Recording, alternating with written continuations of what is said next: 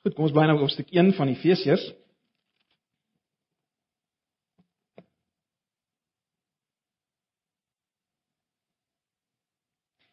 Ek wil maar net sê ehm uh, binne in die bulletin behoort daar 'n uh, so preekraamwerkie te wees. Ek weet nie of almal sal een hê nie, maar die meeste behoort een darm een te hê. Uh, net om u dalk 'n bietjie meer te help om by te bly. Goed, voor ons gaan saam lees, kom ons uh, vra net dat die Here sy woord sal gebruik volgens. Ja Here, ons kom nou maar net weer na U toe in groot afhanklikheid, groot verwagting. U self U woord sal gebruik om U lewende woord om ons dit wil stra harte aan te raak. Here, wil U ons vernuwe deur U woord en deur die werking van U Gees vanoggend wil jy ons weer opgewonde maak oor Uself.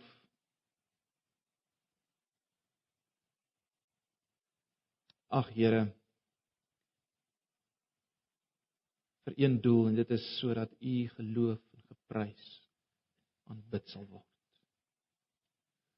Ons is so diep bewus van die feit Here dat ons maar net bestaan vir hierdie een rede en dit is om U groot te maak. En alles wat ons sê en dink en is. En nou moet ons onmiddellik bely En Here, U ken my self in die eerste plek. Moet ons bely en ek bely dat dat ons dit nie doen nie, dat ons U so teleurstel dat ons so skewe beeld van U weerspieël. Nou wat ons maar net wil doen in die oggend ook is om te vra vergewe ons. Vergewe ons in in deur Jesus Christus. Wat vir ons 'n volkomme prys betaal het vir ons sonde. Sonde in die in die hede maar ook ons sonde in die verlede en selfs in die toekoms. Baie dankie vir u vergifnis. Ag Here, kom nou. Kom werk met ons asseblief in Jesus se naam. Amen. Goed, Efesiërs hoofstuk 1. Kom ons lees die eerste 14 verse saam. Ek gaan viroggend uh, maar die 83 lees, maar ek gaan wel verwys na die 53 want uh Uh ek is persoonlik nogal lief vir die die 1953 se vertaling wat vir my eintlik meer reg geskied aan die aan die aan die wonderlikheid van hierdie uh hoofstuk 1, maar ek weet die meeste van julle het 83 vertalings. Kom ons lees dit aanvanklik dan in die in die 83 vertaling. Die eerste 14 verse van Efesiërs hoofstuk 1. Van Paulus, 'n apostel van Christus Jesus deur die wil van God aan almal in Efese wat aan God behoort en Christus Jesus glo. Genade en vrede vir julle van God ons Vader en die Here Jesus Christus. Aan God die Vader van ons Here Jesus Christus kom al die lof toe. Hy het ons in Christus geseën met al die seënings van die Gees wat daar in die hemel is. So het hy nog voordat die wêreld geskep is ons in Christus uitverkies om heilig en onberispelik vir hom te wees. In sy liefde het hy ons volgens sy genadige beskikking toe ook al daarvoor bestem om deur Jesus Christus sy kinders te wees. Daarom moet ons God prys vir sy groot genade wat hy in sy geliefde seun vrylik aan ons geskenk het. Deur die bloed van sy seun is ons verlos en is ons oortredinge vergewe kragtens die ryke genade van God wat hy in al sy wysheid en insig so oorvloedig aan ons geskenk het. Hy kragtens sy besluit en voorneme die geheimnis van sy wil aan ons bekend gemaak en dit deur Christus tot uitvoering gebring op die tyd wat hy daarvoor bepaal het. Sy bedoeling was om alles wat in die hemel en alles wat op die aarde is onder een hoof te verenig, naamlik onder Christus. Deur Christus het ons deel geword van die volk van God soos hy dit vooruit al bestem het. So het hy hom dit voorgeneem, hy wat alles laat gebeur volgens sy raadsbesluit. Daarom moet ons die eerstes wat ons hoop op Christus gestel het, die grootheid van God prys. Deur Christus het ook julle deel geword van die volk van God, toe julle die waarheid wat aan julle verkondig is, die evangelie van julle verlossing gehoor en tot geloof gekom het. In Christus het die Heilige Gees wat deur God beloof is, julle as die eiendom van God beseël. Die Heilige Gees is die waarborg dat hy ons ook verder uh ekskuus is die waarborg dat ons ook verder sal ontvang wat God beloof het wanneer hy almal wat aan hom behoort volkome sal verlos. Daarom moet ons sy grootheid prys.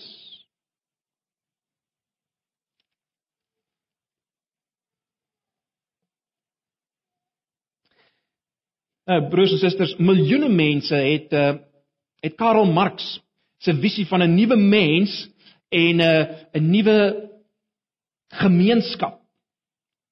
Miljoene mense het hierdie visie van Marx in die verlede omhels. Paulus in hierdie boek Efesiërs gee vir ons 'n groter visie, 'n heerliker visie.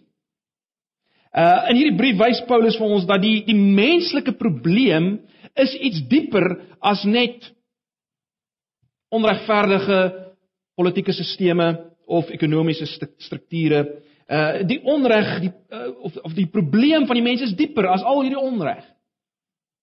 Maar daarom wys Paulus ook dat die die oplossing is baie meer radikaal as dit wat Marx voorstel. Baie meer radikaal. Paulus om die waarheid te sê, skryf oor niks minder as 'n nuwe skepping.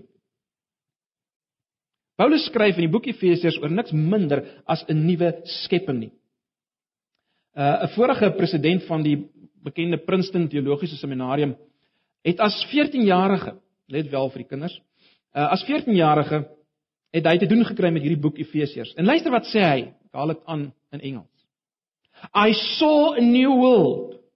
Everything was new. I had a new outlook, new experiences, new attitudes to other people. I loved God. Jesus Christ became the center of everything. I had been quickened. I was really alive. Dis wat 'n 14-jarige sê. Nadat hy dit doen gehad het met die boek Efesiërs. Maar broers en susters, die boek Efesiërs is ver van net 'n private aangeleentheid. Dis ver van net iets vir my private geestelike belewing. Mens kan nie anders as jy hierdie boek lees om te sien dat dat die kerk sentraal staan nie.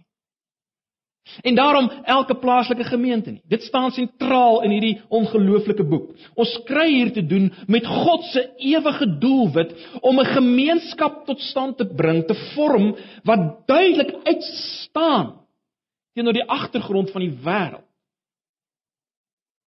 Kan nie anders as om dit raak te sien in die boek Efesiërs nie. God se nuwe gemeenskap, die kerk, word gekenmerk, sal ons sien, deur lewe in plaas van dood. Dit word gekenmerk deur deur eenheid en versoening in steede van verdeeldheid en vervreemding. Dit word gekenmerk deur die standaarde van geregtigheid in die plek van korrupsie. Dit word gekenmerk deur liefde en vrede in plaas van of in steede van haat en stryd. En uiteindelik sal ons sien dit word gekenmerk sal dit al in hoofstuk 6 sien, dit word gekenmerk deur deur 'n konflik met die bose in plaas van 'n slap kompromie met die bose. So in die lig van alles wat ek nou gesê het, kan ons nog twyfel oor die relevantie van die boek Efesiërs vir ons. Kan ons twyfel oor die relevantie van die boek Efesiërs? As jy as jy nog nie oortuig is van die relevantie nie, wel dan jy nou 'n bietjie gesit in dit uh terwyl ek daaroor gepraat. Broers en susters, as ek en jy vanoggend voel dat ons verandering nodig het in ons geestelike lewe, 'n verdieping in ons verhouding met die Here, kom ons laat toe. Of kom ons stel ons bloot aan die boek Efesiërs en laat toe dat die Gees van God ons verander deur hierdie boek. Of ek dit so stel, as ons ons blootstel aan hierdie boek, sal die Gees van God sorg vir die res. Hy sal ons verander deur hierdie boek. Nou, ons gaan hierdie boek bestudeer in ons selgroepe, dit uh, deurtrap. Uh ek gaan vanoggend nie in die eerste 2 verse so so seer kyk nie. Ek wil hê ons moet net fokus op vers 3 uh in die konteks van die eerste 14 verse. Ek wil hê ons moet fokus op vers 3 in die lig van die eerste 14 verse want in vers 3 het ons 'n ontsettende op 'n goeie opsomming as ek dit so kan stel, eintlik van van die hele brief in 'n sekere sin. Maar dan veral uh so ek sê in die eerste 14 verse word vers 3 verder oopgebreek. So kom ons kyk na hierdie opsommende vers 3. Ek het dit reeds gelees in die uh 83 vertaling. Kom ek lees dit net in die 53 vertaling. Ehm uh, wat nader is natuurlik aan die aan die oorspronklike woorde wat gebruik is. Luister na vers 3 in die 53 vertaling. Geseend is die God en Vader van ons Here Jesus Christus wat ons geseën het met alle geestelike seënings in die hemele in Christus.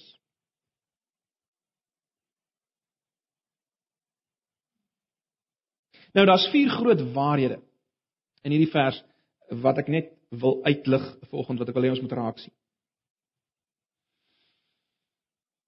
Paulus begin in die eerste plek, die eerste groot waarheid het te maak met die een wat agter alles sit. Die een wat agter alles sit. En dit is natuurlik God die Vader van ons Here Jesus Christus. Dis die eerste groot waarheid in hierdie vers 3. sien julle dit? Dis waar Paulus begin, né? Nee. God die Vader van ons Here Jesus Christus. Jy sien, hy is die een wat agter alles sit wat waar is omtrent jou en my as Christene vanoggend. Dis waar alles wat waar is omtrent my en jou as Christene vanoggend begin. By God die Vader van ons Here Jesus Christus. Dis 'n ontsettende belangrike waarheid. In die eerste plek, broers en susters, omrede ons so geneig is om te begin en te eindig by onsself. My eie belewenisse van die realiteit. En daarom sit ons dikwels met met 'n depressiwiteit, 'n moedeloosheid, want ons begin en eindig met onsself.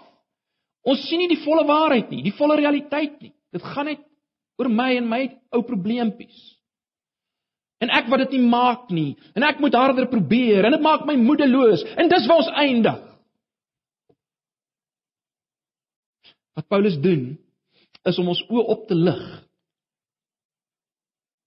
na God die Vader van ons Here Jesus Christus wat agter alles sit. Hy wil hê ons moet hy wil hê ons moet 'n bietjie uitkyk uit onsself uit en 'n groter prentjie sien en onsself dan in die lig van die groter prentjie raak sien. Die realiteit. Dis wat hy wil hê ons moet doen. Dis ook 'n belangrike waarheid hierdie omrede ons geneig is om God die Vader los te maak van van Jesus Christus. Met ander woorde, ons dink dikwels bewuslik of onbewuslik so. Ons dink uh, al die wonderlike dinge wat na ons toe kom, is eintlik asof van of laat ek dit so stel, al die wonderlike dinge wat na ons toe kom, dit is Jesus wat dit vir ons gee, want eintlik wil die Vader dit nie regtig nie, maar maar Jesus is die een wat wat daarom hierdie goed vir ons wil gee, maar die Vader is eintlik die een wat altyd bietjie op die agtergrond is ongelukkig is eintlik oor ons en en Jesus moet nou tussen beide tree. Onbewuslik dink ons baie keer so. Maar hier sien ons die teenoorgestelde. God die Vader sit agter alles.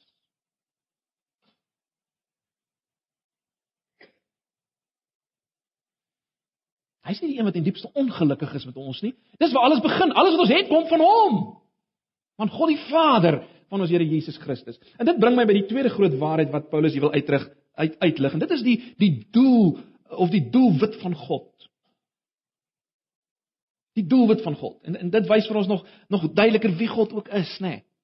Daar's twee woorde wat herhaal word hier en, en dis hoekom ek die 53 vertaling gelees het want dis duideliker so in die oorspronklik. En dis die woord geseën of seën. Geseënd of seën. Dis die twee woorde wat wat hier gebruik word. Geseënd is God Nou vers 3, 53 vertaling, geseënd is God en ons is geseën. Jy sien God se doelwit is om 'n wêreld tot stand te bring, 'n heelal as jy wil, gevul met seëning. Seëning op twee vlakke. In die eerste plek moet God geseën word. Nou uh as jy nou kyk na die 83 vertaling begin aan God die Vader van ons Here Jesus Christus kom al die lof toe. Dis hoe die geseën van die oorspronklik vertaal is, nê. Nee, aan hom kom al die lof toe. As jy wil, hy moet geseën word. Uh as jy die 53 vertaling het, sal jy sien die die frase uh tot lof van sy heerlikheid kom weer en weer voor. Of in die 83 uh, vertaling aan hom kom die dank toe. Hy moet gedank word. Hy moet geloof word. So aan die een kant God wat geseën moet word. Maar aan die ander kant is ons geseën. Né? Nee, ons is geseën. Sal net daarna kyk. Maar dit is baie duidelik, ons is geseën sodat God geseën kan word, geloof kan word. Al die lof van hom kan toe kom. Nou ek weet dis niks niets vir ons nie. Ons almal weet dat dat God ge, geloof moet word, geprys moet word, nê. Nee, uh ons moet dankbaar wees oor alles wat ons het ensovoorts. Ons weet dit. Maar broers en susters, die meeste van ons dink daaraan as iets wat ons onsself moet maak doen. Ek moet my maak doen om God te loof. Baie van ons dink onbewuslik so daaraan. Uh ons dink daaraan wel ons moet God loof want hy het dit nodig. Sy ego moet elke nou en dan as te ware gestreel word deur ons lofpryse. As ons hom nie prys nie, wel dan het ons probleme want dan is hy ongelukkig. Uh hy's in die verkeerde gemoedstoestand en dan gaan hy gaan hy dinge verkeerd hanteer en ons gaan daaronder ly.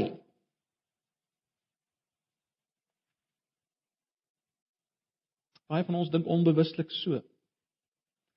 Ek moet my daarom dit maak doen. Maar broers en susters, die hele punt van vers 3 dit wat Paulus hier wil uitlig is is is is juis nie dit nie. Die hele punt is juis dat God het sulke verstommende dinge gedoen. Hy het dit klaar gedoen. Dat as ons dit werklik begin raak sien, as ons dit begin verstaan, as dit deurbreek deur ons versleierde verstande, dan kan ons nie anders as om uit te breek in lofprysing aan hom nie. Dan kan ons nie anders as om in absolute verstomming te staan en te sê, Here, bedoel U dit dat dit waar is van my? Bedoel U dit werklik, Here? Ek is oorweldig, my God, hoe groot is U? sien, dis die hele gedagte.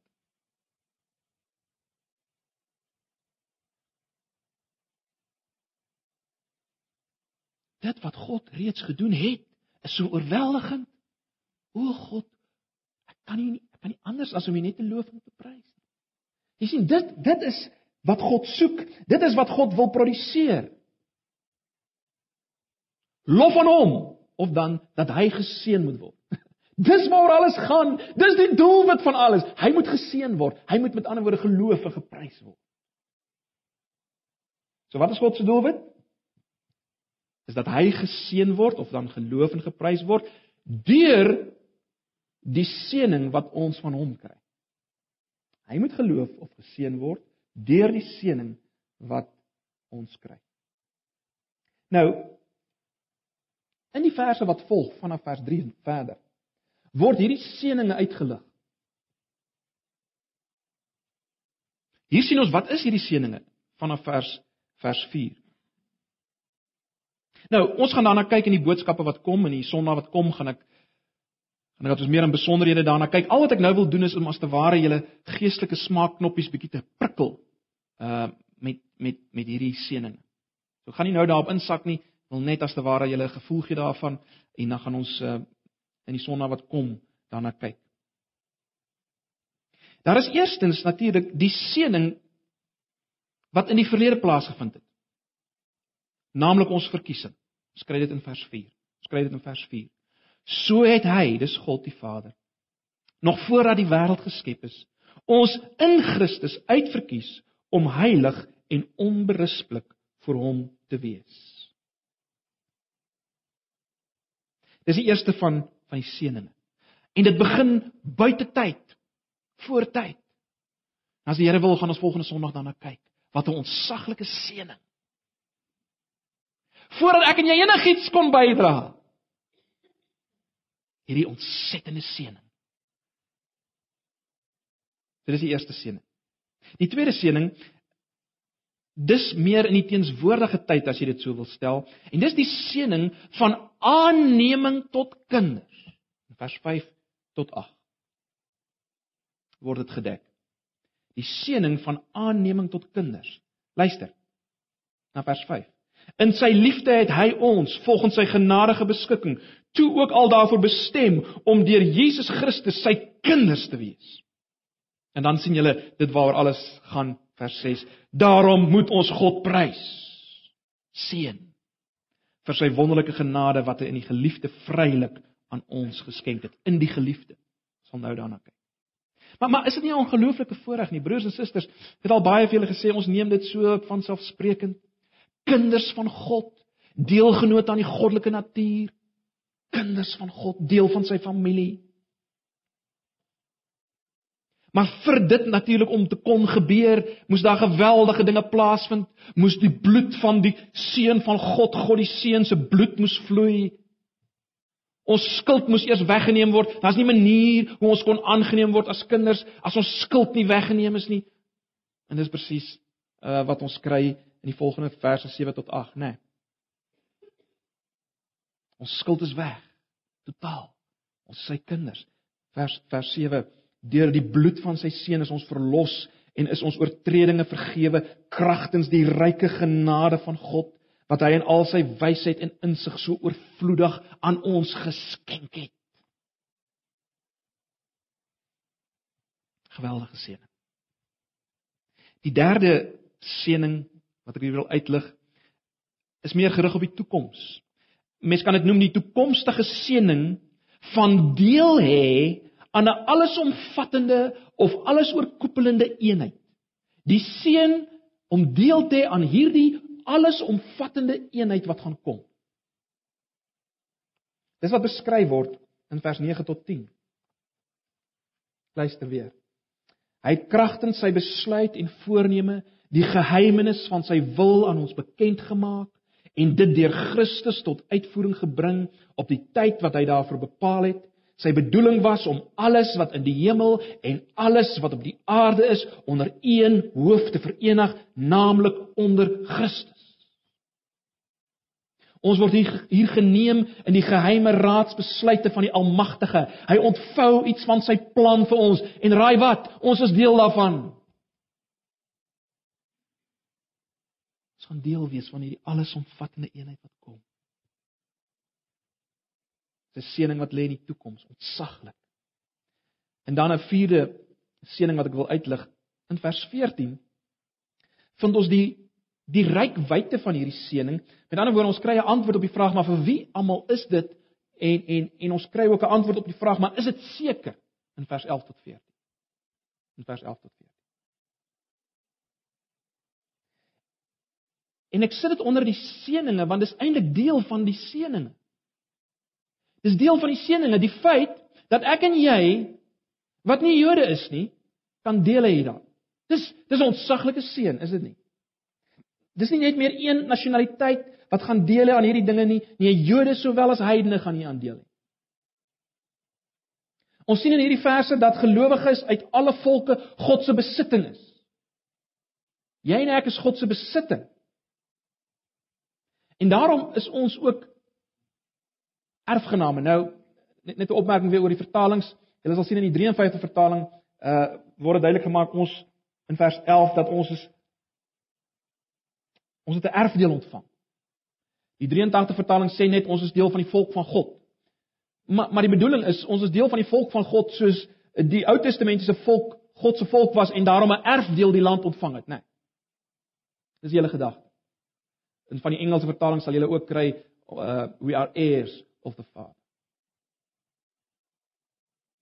Ons het 'n erfdeel ontvang. Ons is deel van die volk van God, né? Nee. Vers 11 in die 83 vertaling lees so: Deur Christus het ons deel geword van die volk van God, soos hy dit vooruit al bestem het. So het hy hom dit voorgenem, hy wat alles laat gebeur volgens sy raadsbesluit. Daarom moet ons die eerstes wat ons hoop op Christus gestel het, die grootheid van God prys. Kom ek lees net in die 83 vertaling. In hom in wie ons ook 'n erfdeel ontvang het nadat ons van tevore daartoe verordeneer is ooreenkomstig die voorneme van hom wat alles werk volgens die raad van sy wil sodat ons kan wees tot lof van sy heerlikheid. Dit stel dit vir my pragtig. Sodat ons kan wees tot lof van sy heerlikheid. Waarom is ons die eiendom van God? Waarom het ons 'n erfdeel ontvang? Waarom is ons die volk van God sodat ons tot lof van sy heerlikheid kan wees vertoon vensters van wie hy is van die kosmos. Dis 'n seëning broers en susters. Dis 'n ontsettende seëning dat dat ons volgende hier bymekaar kan wees vir een doel. Die rede hoekom ons hier bymekaar is as 'n nuwe volk met 'n besitting, 'n erfdeel. Die rede waarom dit is sodat ons tot lof van sy eer kan bestaan, hom kan eer, hom kan grootmaak tot lof van sy heerlikheid. As jy twyfel of jy deel het aan al hierdie seënings wat ek nou genoem het wel, kyk net na vers 13 en 14, luister net daarna. Deur Christus het ook julle hy praat nou spesifiek met mense daar met alle Christene. Deur Christus het ook julle deel geword van die volk van God toe julle die waarheid wat aan julle verkondig is, die evangelie van julle verlossing gehoor en tot geloof gekom het. En dan in Christus het die Heilige Gees waardeur God beloof is, julle as eiendom van God beseël. Daarom kan jy weet as jy vanoggend hier sit as iemand wat die evangelie gehoor het, maak nie saak op watter stadium of watter manier nie, maar jy het dit gehoor, jy het dit omhels, jy het Jesus vasgegryp, dan kan jy weet al hierdie seënings is vir jou.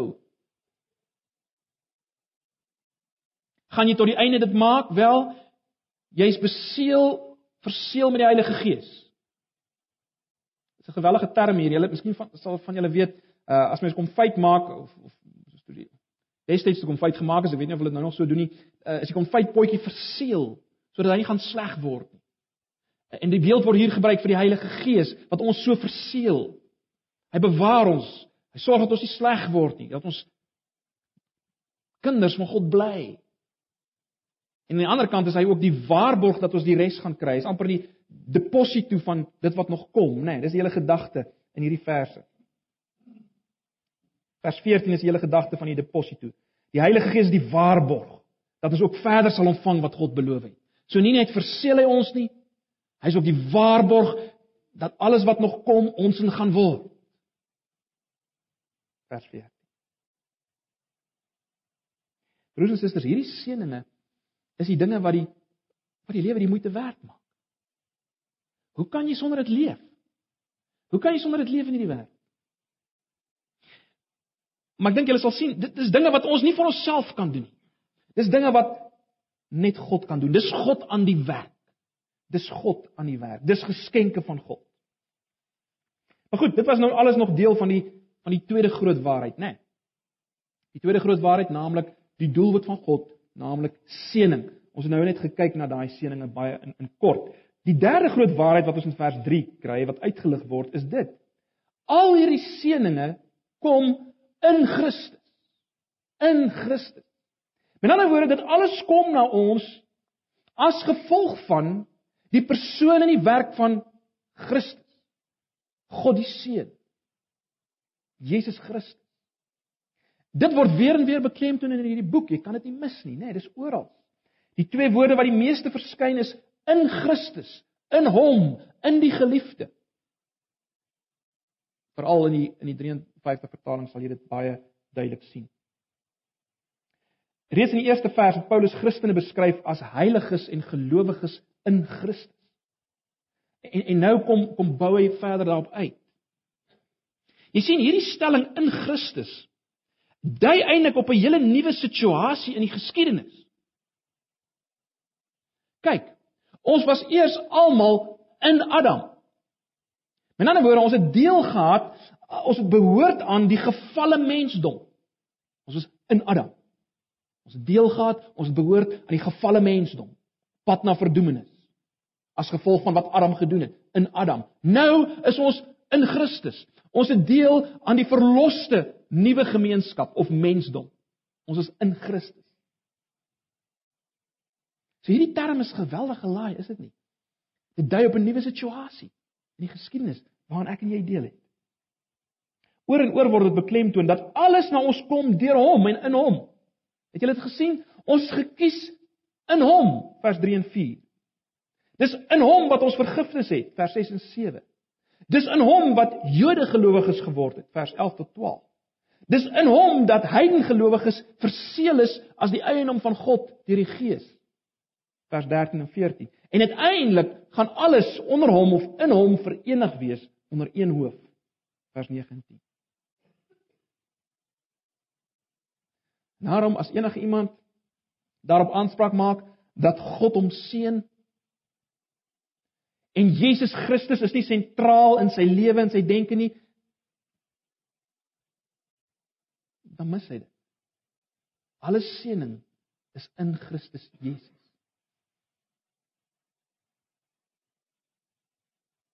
Daar's geen ander manier waarop seëning na ons toe kom nie. Om die waarheid te sê en ek het al baie beklemtoon, Jesus self is die groot seëning van die Nuwe Testament.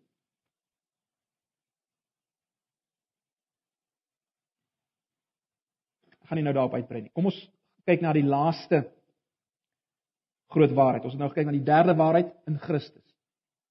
Nou die laaste waarheid, waar vind dit alles plaas? Wel, Paulus sê dis in die hemel of dan hemele. 83 vertaling praat van hemel, 53 vertaling hemele. Nou baie belangrik. As hy hier praat van hemel of hemele, beteken dit nie die hemel soos ons dikwels daaraan dink nie. Ons dink aan die hemel as 'n plek iewers daarbo. Dis nie waaroor dit hier gaan nie. Dis nie waarvan hy hier praat nie. Dis nie waarvan hy hier praat. Want Paulus praat hier van 'n teenswoordige belewing van van seëninge, né? Hierdie hemel waarvan hy praat of hemele wat ons in hierdie brief kry en ook in die res van die Nuwe Testament, dit dui op die die sweer, die ruimte as jy wil van die onsigbare realiteit. Ek sê dit weer, die ruimte of sweer van die onsigbare realiteit. Dis die hemele waarvan hy praat. In ander woorde, dit gaan hier oor dinge wat waar is omtrent die lewe in hierdie wêreld, in die kosmos, maar wat ons nie kan sien nie en ons kan dit nie vat nie. Dis waaroor dit gaan. En dis die derde groot waarheid in vers 3. Die waarheid van in die hemele. Jy sien ons kan dit nie sien nie, ons kan dit nie aanraak nie en tog is dit werklik en dit speel 'n ontsaglike rol, die deurslaggewende rol in ons lewens. In 2 Korintiërs 4 vers 18 sê Paulus die volgende, hy sê ons oog is nie op die sigbare dinge gerig nie, maar op die onsigbare. Want die sigbare dinge is tydelik, maar die onsigbare ewig. Onthou julle die verhaal van Elisa in die Ou Testament? Op 'n stadium uh was hy en sy dienskneg omsingel deur die leers van die Arameërs. En dan Elisa se dienskneg baie bekommerd. En dan sê Elisa vir hom: "Kyk, die wat by ons is is meer as by hulle." En hy en hy kan dit nie begryp nie. En dan bid Elisa dat hierdie dienskneg van hom se oë vir 'n oomblik sal oopgaan. Dat hy vir 'n oomblik die onsigbare realiteit sal sien. En wat sien hy dan? Duisende der duisende strydwaans leer magte aan hulle kant in die onsigbare realiteit. Broers en susters, ons leef in 'n wêreld waar die belangrikste dinge in die lewe nie sigbaar is. Dit kan nie gevat word nie. Dit kan nie gesien, geproe of geweeg word nie. Dit kan nie onderwerp word aan wetenskaplike ondersoek of aan filosofiese uh, uitpluising nie, maar is daar. En is deurslaggewend. En dis die waarheid. Dit is realiteit. En nou baie belangrik, dis in hierdie ruimte, hierdie riem as jy wil, hierdie sweer waar ons groot geestelike seëninge gevind word. Né? Nee, dis waar ons lewens verander word. Dis waar ons ander mense kan word deur God se genade. Kan julle nou verstaan waarom daar gepraat word van geestelike seëning. Kyk net weer na die 53 vertaling. Geseënd is die God en Vader van ons Here Jesus Christus wat ons geseën het met alle geestelike seëninge wat daar in die hemel is. Jy sien? In die hemele en die geestelike seëninge kan gaan saam. Dis geestelike seëninge. Of as die as jy wil dan seëninge van die Gees. Maar dis is baie belangrik. Jy sien, dit gaan nie oor fisiese dinge nie. In die Ou Testament, onder die Ou Verbondsbedeling, was die seëninge spesifiek fisies gewees in 'n fisiese land. Fisiese seëning. Oorvloed koring en wyn en mos. Fisiese land. Maar nou is dit nie meer in 'n fisiese land, fisiese dinge nie. Dis in Christus. Dis in die hemele. Dis geestelike seëninge. Want die een wat nou in en by ons is, is God die Gees. Jy sien? Dis uiters belangrik broers en susters. Dis uiters belangrik want daarom en ek het al baie dit gesê, daarom kan ek en jy absoluut geseën wees al is ons terminaal siek. Want is geestelike seëninge in die hemel. Baie baie belangrik. So dis die derde groot waarheid. Net voor ek afsluit, ek hoop julle sien dat God drie-enig staan sentraal in Paulus se bedenke, né? Baie belangrik dat in ons denke God drie-enig ook sentraal moet staan. As jy wil kan jy sê die Vader staan voorop in alles wat gesê word in vers 4 tot 6. Die Seun staan voorop in alles wat gesê word in vers 7 tot 12. En die Heilige Gees staan meer voorop in alles wat gesê word in vers 13 en 14. Nou, natuurlik is daar oorvleueling, want is een God. Een wese met drie persone. Verbuister. En die beginpunt is by die Vader. Daarom het ons daarna gekyk. God die Vader. En dit bring my by my slot broers en susters. Baie belangrik. Ek wil dit weer herhaal. God doen al hierdie dinge. God doen al hierdie dinge. Dis wat Paulus wil hê ons moet hier sien. Baie belangrik, hier's geen opdrag om enigiets te doen nie. Later kom ons by menslike aktiwiteit, maar dis nie hier nie. Hy praat hier oor wat God en God alleen kan doen. Laat ek dit so stel broers en susters, alle vooruitgang in die geestelike lewe kom deur 'n deur, deur hierdie waarheid te vat van wat God gedoen het, van dit wat alreeds waar is om dit te vat. Geestelike groei kom as jy dit doen, as jy dit vat. Dit gaan hier nie net oor wat God nog gaan doen nie, dit gaan oor wat hy alreeds gedoen het. En daarom is dit beskikbaar vir jou. Jy moet dit net vat omhels deur die geloof. Dis joune. Dit is waar dit hier gaan. Dit sal goed wees as jy vir jouself uh, dalk weer vandag iewers 'n potlood vat en jy onderstreep al die werkwoorde en kyk wie is die onderwerp van hierdie werkwoord? En kyk, wie is die onderwerp van die werkwoord? En nou broers en susters, dis hierdie waarhede wat radikale praktiese verandering bring in individue en in 'n gemeente se lewe. Dis die waarhede wat lewe bring, wat eenheid bring, wat liefde bring.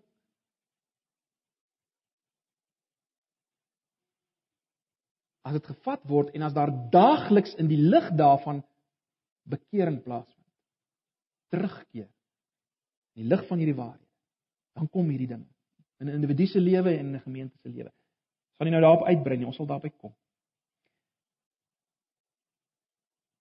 Kom ek sluit af met 'n 'n praktiese toepassing. Broers en susters, ek dink die enigste praktiese toepassing wat ons kan maak in hierdie gedeelte het betrekking op op ons gebedslewe. Dit betrekking op ons gebedslewe. Kom ek stel dit so, in hierdie gedeelte kry ons dink ek iets van 'n korrektief 'n regstelling op ons gebedslewe. Wat bedoel ek? Ons is geneig om te bid, ag Here, seën ons asseblief. Seën so en so. Is ons is ons nie geneig om so te bid nie? Seën hierdie een Here, seën daai en baie mense, dis al hulle bid. Dis hierdie rympie, seën die een, seën daai een. Wees met daai een. Wat sien ons hier? Wat sien ons hier?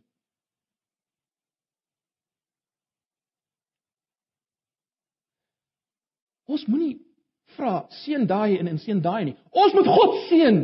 Aan hom kom die lof toe. Ons moet hom seën. Ons moet hom die lof toe bring. Vir wat? Vir dit waarmee hy ons reeds geseën het. Ons moenie bid seën ons nie. Hy het ons geseën. Hy het ons geseën. Ons moet begin om hom te loof en hom te seën. Dis waaroor dit gaan. Dis al praktiese toepassing hier, is dit nie? Dis al menslike aktiwiteit wat hoort in hierdie hoofstuk. Is dit lof, lof, seën aan God. Nou, broers en susters, wil ek hê ons moet dit nou doen. Vir 'n paar oomblikke, kom ons draai na mekaar toe as jy nie vrymoedigheid het om na die persoon langs jou te draai nie. Doen dit op jou eie, maar kom al wat ons doen in hierdie oomblikke, kom ons kom ons seën God, ons loof hom, ons prys hom, ons dank hom vir dit waarmee hy ons reeds geseën het. Ons doen dit nou vir 'n paar oomblikke en dan sluit ek af. Vader, in hierdie oomblikke wil ons maar net U loof en prys vir al die seënings, die geestelike seënings in die hemele in Christus. U vir ons geskenk het. My gebed is in hierdie oggend, Here, dat U my oë en elkeen van ons wat hier sit se oë sal oopmaak om hierdie realiteit te sien. Dit te omhels. En lig daarvan te lewe. Here bewaar ons van die bose wat ons denke wil benewel. Wat wil verhoed dat ons dit sal raak sien. Bewaar ons van die wêreld wat ons oë net wil rig op die tydelike, die fisiese, die sigbare. Elke dag word ons daarmee gebombardeer, Here, U weet dit. Waar ons van die wêreld. Waar ons van die duiwel. Asseblief. Ons vra dit in Jesus se naam. Amen. Kom ons sluit af met 'n laaste